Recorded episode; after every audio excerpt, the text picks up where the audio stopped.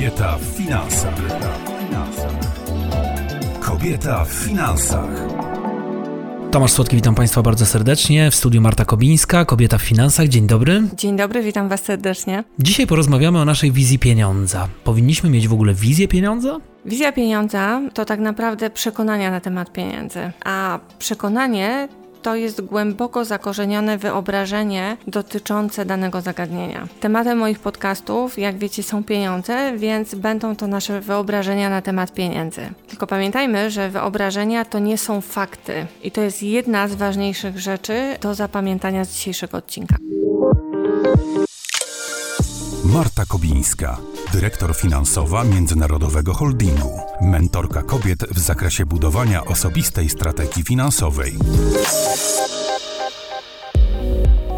Czym w takim razie różnią się przekonania od faktów? Fakt to jest coś, co możemy obiektywnie potwierdzić. Na przykład to, że ja jestem kobietą, jest faktem. Natomiast przekonanie to coś, co myślimy, że jest prawdą. Ja na przykład kiedyś myślałam, że praca na etacie da mi pewność wynagrodzenia co miesiąc. No ale jak myślę wiemy, niestety jest to mit, bo pracodawca przecież z różnych względów może nam nie wypłacić wynagrodzenia na czas. Jak możemy zatem zdefiniować naszą wizję pieniądza? Przekonania często przekazujemy z pokolenia na pokolenie i robimy to zazwyczaj w sposób nieświadomy. Słowa, które słyszymy w dzieciństwie, mają ogromną moc wpływania na nasze późniejsze decyzje. Decyzje, które już podejmujemy w dorosłym życiu. I e, słuchajcie, no ja wychowałam się w czasach PRL-u i często słyszałam, że ci, co mają pieniądze, to na pewno je ukradli. I to spowodowało, że utrwaliło się we mnie takie przekonanie, że jeśli będę miała dużo pieniędzy, to będę uchodzić za złodziejkę. No a przecież nie chciałam uchodzić za złodziejkę, więc nie mając zdefiniowanego tego przekonania, sama siebie sabotowałam. Czyli zarabiałam dużo, ale te pieniądze wydawałam, tak żeby nie pokazać, że je mam. Rozwijmy ten temat, proszę. Ja się wychowałam na wsi, a moi rodzice, poza e, krótkim epizodem mojej mamy, nigdy nie pracowali na etacie czy w państwowych firmach. Wyjeżdżali na zachód do pracy, potem założyli własną firmę. U nas w domu pieniądze albo były w nadmiarze, albo nie było ich wcale. I często słyszałam w rozmowach między rodzicami, oczywiście ukradkiem, bo nie chcieli angażować dzieci na temat pieniędzy, że ci, co się dorobili majątku, no bo przecież było widać, kto ma pieniądze, a kto ich nie ma, to albo miał dojścia do różnych rzeczy, czy, czy do różnych układów, albo je po prostu ukradł. Moi rodzice uczciwie pracowali, no i było jak było. Raz mieli pieniądze, raz ich nie mieli. I utrwaliło mi się wtedy, że lepiej pracować na etacie, bo stabilność finansowa będzie lepsza aniżeli prowadzenie własnej firmy. Jednak zawsze gdzieś w środku miałam takie poczucie, że to mnie ogranicza, że praca na etacie owszem jest fajna, bo ja się też bardzo dużo uczyłam, bardzo fajne doświadczenie z zdobywałam, poznawałam mnóstwo fajnych ludzi, ale gdzieś wewnętrznie się miotałam, bo potrzebowałam takiej wolności, e, takiej decyzyjności, posiadania większego wpływu i na siebie, na swoje życie i na wynagrodzenie, które otrzymuję. A wiadomo, że na etacie dochodzimy do pewnego, powiedzmy, pułapu, no i dalej, no niestety ciężko się przebić.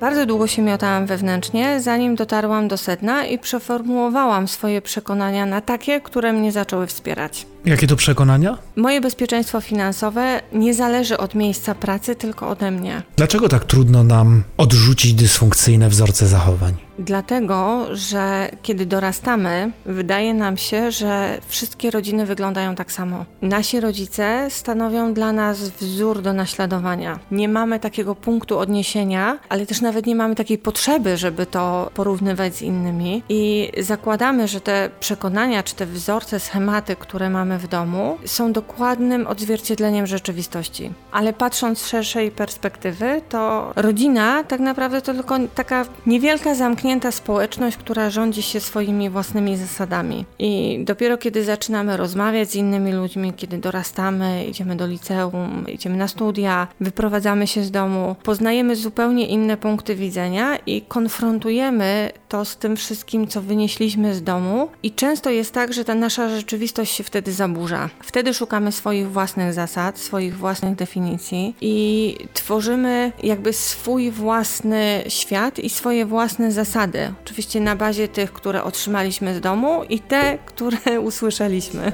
No, brzmi bardzo skomplikowanie i można się w tym pogubić, szczerze mówiąc. Można się pogubić, ale słuchajcie, żeby to trochę uporządkować, to powiem tak. Jeżeli zadałabym pytanie, jak wyobrażacie sobie pieniądze, albo jakie skojarzenia macie na temat pieniędzy, no to zakładam się o głowę, że każdy z Was powie coś innego, bo ktoś, kto miał dobre doświadczenia z pieniędzmi, powie nam, że pieniądze pomagają realizować marzenia. A ktoś, kto miał zupełnie przeciwne doświadczenia, powie na przykład, że pieniądze prowadzą do kłótni i rozstania. Ale tak naprawdę żadne z tych stwierdzeń nie jest obiektywnym faktem. I tu jest ta, jakby wracam do punktu wyjścia, że to jest nasze przekonanie, a nie jest to fakt. Dlatego, że każdy z nas ma inny punkt widzenia i jedno tak naprawdę zaprzecza drugiemu. Chociaż osoby, które to wypowiadają, uważają, że jest to prawda. No i zapytam Ciebie, jakie jest Twoje wyobrażenie na temat pieniędzy, Tomek? Słuchaczy czy mnie? Ciebie. No więc ja mam bardzo dobre przekonanie do pieniądza, ponieważ u mnie w domu, szczególnie tato, zawsze potrafił te pieniądze zarabiać i od wczesnych y, dni dzieciństwa mieliśmy zawsze biznes, który obserwowałem, jak tato prowadzi. I e, bardzo łatwo zarabialiśmy pieniądze i bardzo łatwo je wydawaliśmy. Myślę, że to moje przekonanie do, takiej, do, do, do takiego łatw, łatwego zarabiania pieniędzy powoduje, że jestem w stanie realizować wszystkie swoje marzenia i pasje. I to jest moje przekonanie o pieniądzach, że pieniądze służą mi do tego, żeby spełniać swoje marzenia, ale też je bardzo łatwo wydaję i szybko. Potrafię dużo zarobić bardzo szybko i bardzo szybko wydać te pieniądze. No widzisz, czyli Twoje wyobrażenie dla Ciebie jest prawdziwe. Tylko czy to jest fakt? Czy ma zastosowanie do wszystkich? Mm, tego nie wiem, raczej nie. Ehm, no to ja Ciebie zapytam w takim razie, czy przekonanie można zmienić? Można zmienić, e, ale tylko takie przekonanie, które jesteśmy w stanie zdefiniować, które już zdefiniowaliśmy i jesteśmy w stanie stwierdzić, e, jaki ma wpływ na nasze życie, bo nie każde przekonanie jest negatywne. I o tym będziemy rozmawiać w naszym następnym odcinku, do którego Was serdecznie zapraszam. Ja również bardzo dziękuję za rozmowę, Marta Kobińska. Dziękuję bardzo. Tomasz Słodki, do usłyszenia. Zobacz nasz Instagram i Facebook Piasek w butach oraz dołącz do grupy na Facebooku Kobieta dojrzała finansowo.